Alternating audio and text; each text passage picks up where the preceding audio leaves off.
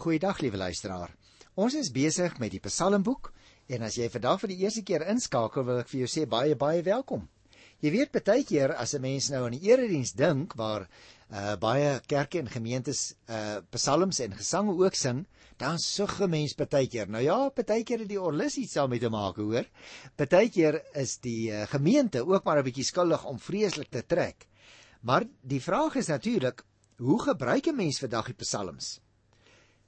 Dis nie so 'n maklike vraag om sommer net so uit die vuis te beantwoord nie, né? Want die vraag na die funksie van die psalms raak dus hulle gebruik sowel vir die mense van die Ou Testament as vir jou vir my vandag.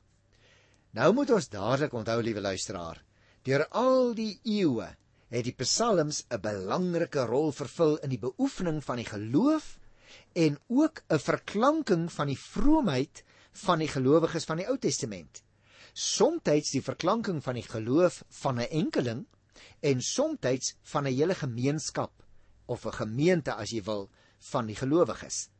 Daar is eintlik, sou ek sê liewe luisteraar, ten minste 3 funksies van die psalms wat ook vir ons van belang is in ons eie tyd. Die eerste ene sou mens kon noem 'n liturgiese funksie. Ons moet naamlik onthou Israel het die psalms elke dag in die tempel gebruik as klaagsange of as lofsange. Met ander woorde in die kerklike liturgie van destyds het die liedere 'n bepaalde rol gespeel. Die psalms het in die geskiedenis in verwerkte vorm en getoons het hulle weg na die meeste liederebundels van die verskeie Christelike kerke gevind. Daarom al sing mense vandag ook ander liedere en meer moderne liedere sal jy tog vind dat van tyd tot tyd daar hier en daar 'n psalm ingevoeg word want in die liturgie het die psalms van vroeg af 'n belangrike rol gespeel. Daar is 'n tweede plek, naamlik die stigtelike funksie van psalms of van liedere in die algemeen ook.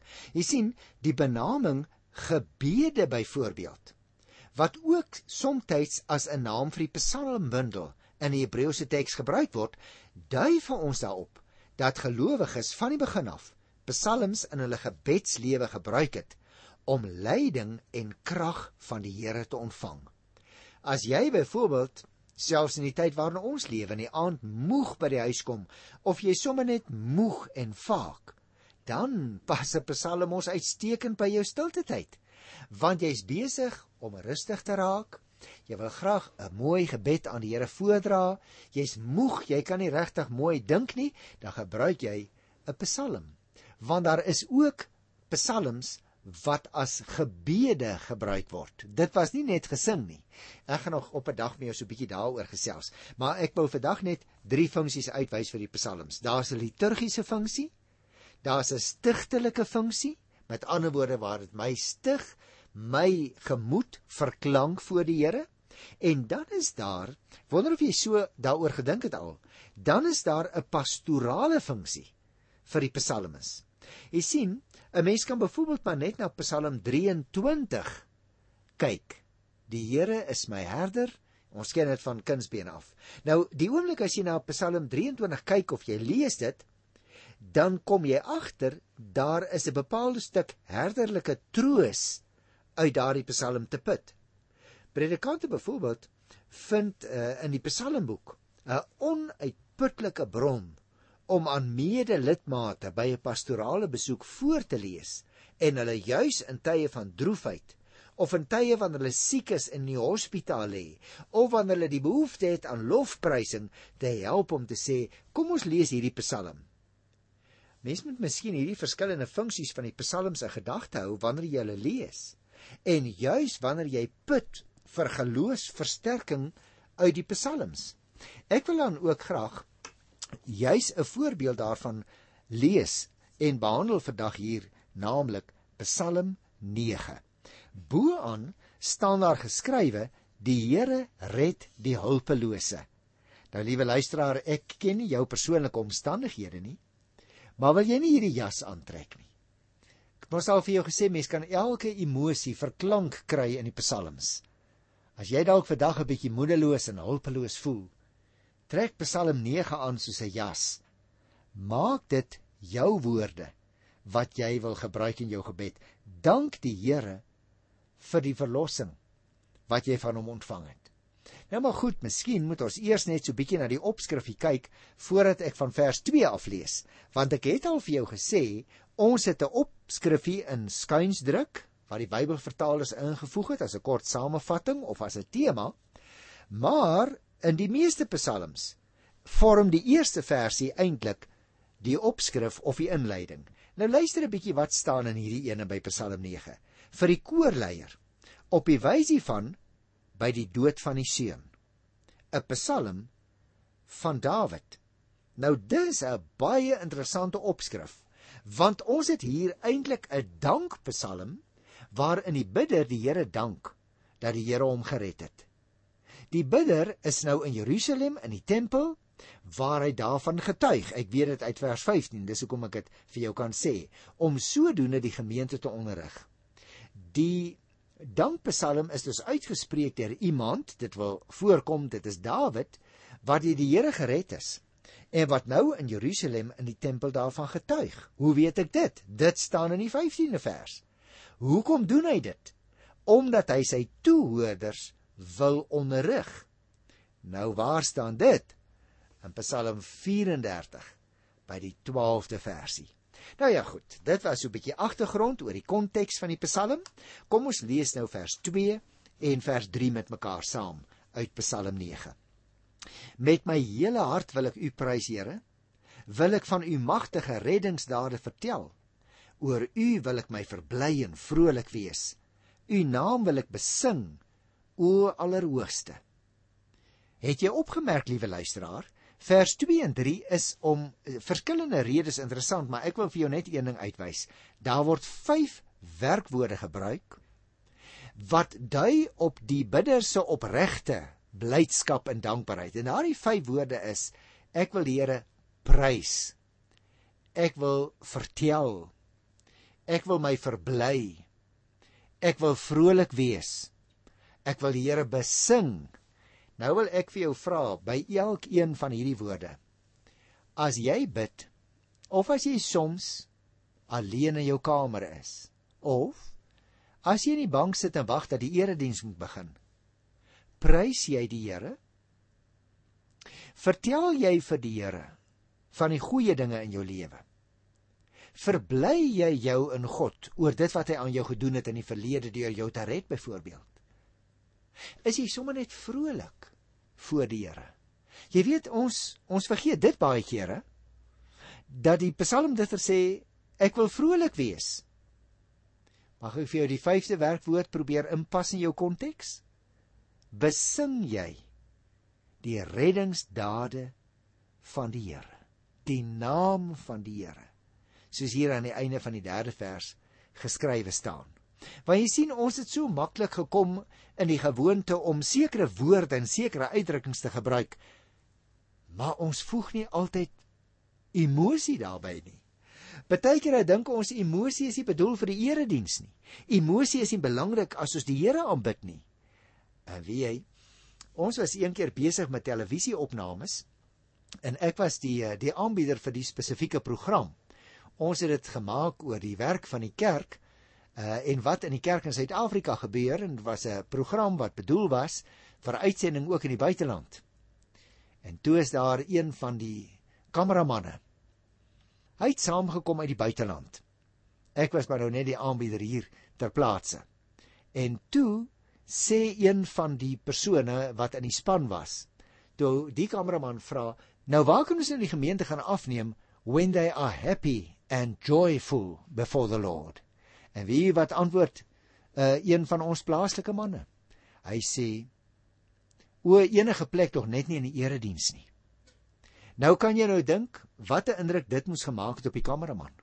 Hy kom na Suid-Afrika as kameraman om die Christene te kom afneem ook wanneer hulle in die erediens is en wanneer hulle joyful and happy moet wees. En hier antwoord 'n Suid-Afrikaner tog net nie in die erediens nie. Nou ek wil nou nie vir jou vertel wat die agtergrond was van die Suid-Afrikaner nie, maar my vraag is nie wat ander mense doen nie. My vraag is wat doen ek self? Is ek ook vrolik en bly soos ons hierso lees in Psalm 9 voor die aangesig van die Here? Of bly ons maar beswaard, sien ander mense ook in ons manier van aanbidding geen vreugde en geen blydskap nie. Kom ons lees vers 4 tot by vers 7.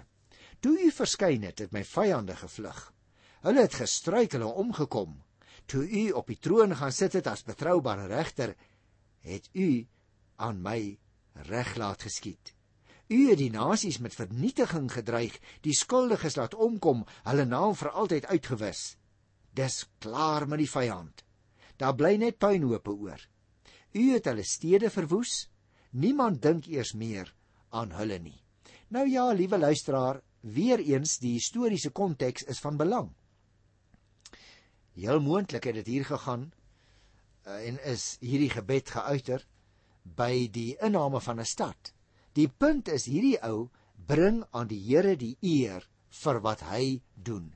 Hy besing hier God se magtige reddingsdade. Hy het as regter byvoorbeeld ingegryp volgens die digter in die bidder se guns uitspraak gelewer. Sy ondervinding as bidder is vir hom baie kosbaar oor God. Hy sê God, die wêreldregter, ontferm hom oor 'n enkele en 'n hulpelose mens. Is dit nie wonderlik nie? En daarom is dit vir ons belangrik om dit raak te sien. Veral ook as ons nou verder lees hier van die 8ste vers af. Luister 'n bietjie. Die Here is altyd op sy troon. Daarom word ook van hierdie Psalm soms gepraat as 'n troonbestygingslied. Soms as 'n koningslied. Moontlik is hierdie Psalm ook gebruik in die konteks waar daar 'n nuwe koning op die troon gaan sit het. Want die Here is ook gesien as een wat op die troon sit. Met ander woorde die Psalm kon of die Here besing of die koning. Maar goed, kom ons lees vers 8 tot 13. Die Here is altyd op sy troon. Op sy regterstoel is hy steeds gereed vir die regspraak. Hy lewer 'n regverdige uitspraak oor alle mense. Hy vel 'n billike vonnis oor die nasies. Vir die mens wat 'n gevaar verkeer, is die Here 'n toevlug, 'n skuilplek in tye van nood. Op U, want U Here, laat die wat vra na U wil nie in die steek nie. En dan kom 'n mens by vers 12 en 13. Sing tot eer van die Here wat op Sion woon. Vertel die volke van sy dade. Hy dink aan die onskuldiges en wreek hulle dood. Hy verontagsaam nie die geroep van die wat in nood verkeer nie. Nou luisteraars, hier kry ons nou nog meer inligting sodat ons die konteks van die Psalm eintlik 'n bietjie beter kan verstaan. Jy sien die Psalmis gee hier ook die versekering aan almal wat in die nood is. God is altyd gereed om 'n regverdige uitspraak te lewer. En daarom sê hy, kan elkeen wat 'n gevaar verkeer na die Here toe gaan.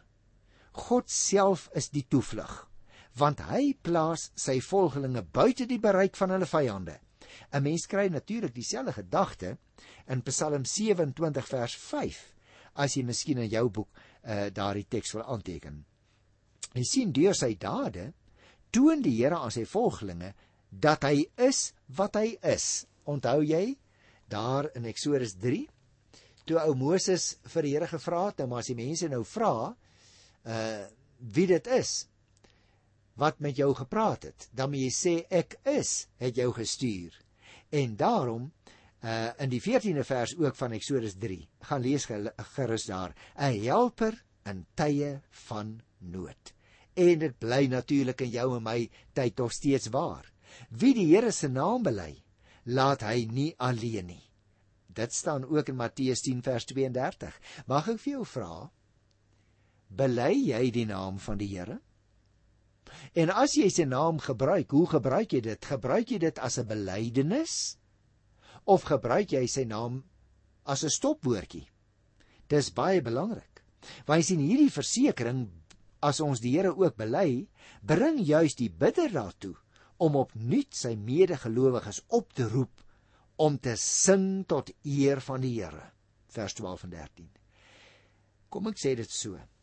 Elke loflied wat God se verlossingsdade besing, is terselfdertyd ook 'n stukkie getuienis waarin heidene van die Here kan hoor.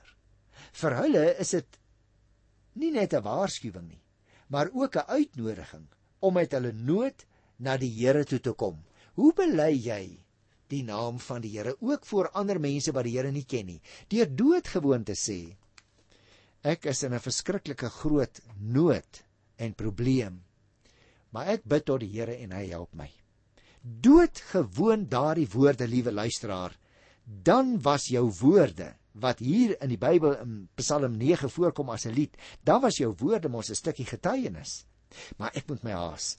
Kom ons kyk van vers 14 tot by vers 19. Wees my genadig, Here. Aanskou die ellende wat my haters my aangedoen het. U wat my terugruk uit die dood en die poorte van die dood. Dan kan ek van al u roemryke dade vertel. In die poorte van Sion kan ek juig oor die uitkoms wat u gegee het. Wat sou die digter bedoel as hy hier praat van die poorte van Sion? Ons moet onthou, liewe luisteraar, in die tyd wat die tempel deur Salomo gebou is. Waar is dit gebou? Op die Sionsberg. O, die Sionsberg was 'n baie tradisionele plek. Dit was die plek waar uh, ou vader Abraham volgens tradisie ook amper sy seun Isak geoffer het. Dit was die plek wat dus baie historiese waarde gehad het en wat Dawid toe uitgekies het as die plek waar Salomo die tempel moet bou. Nou staan hierdie man dus op die Sionsberg en hy sê ek staan hier in die poorte van Sion en ek kan juig oor die uitkoms wat u gegee het. Mag ek vir jou 'n praktiese voorbeeld noem? As jy volgende keer op pad is na die voordeur van julle kerkgebou, wil jy nie dan in so jou eie hart ook so sê soos hierdie man nie? Here, ek kom hier nader na die deur toe van die plek waar ons u gaan aanbid. Ek wil u so lank loof en prys omdat u my verlos het, omdat ek aan u mag behoort. Jy sien ons moet 'n bietjie konkreet dink.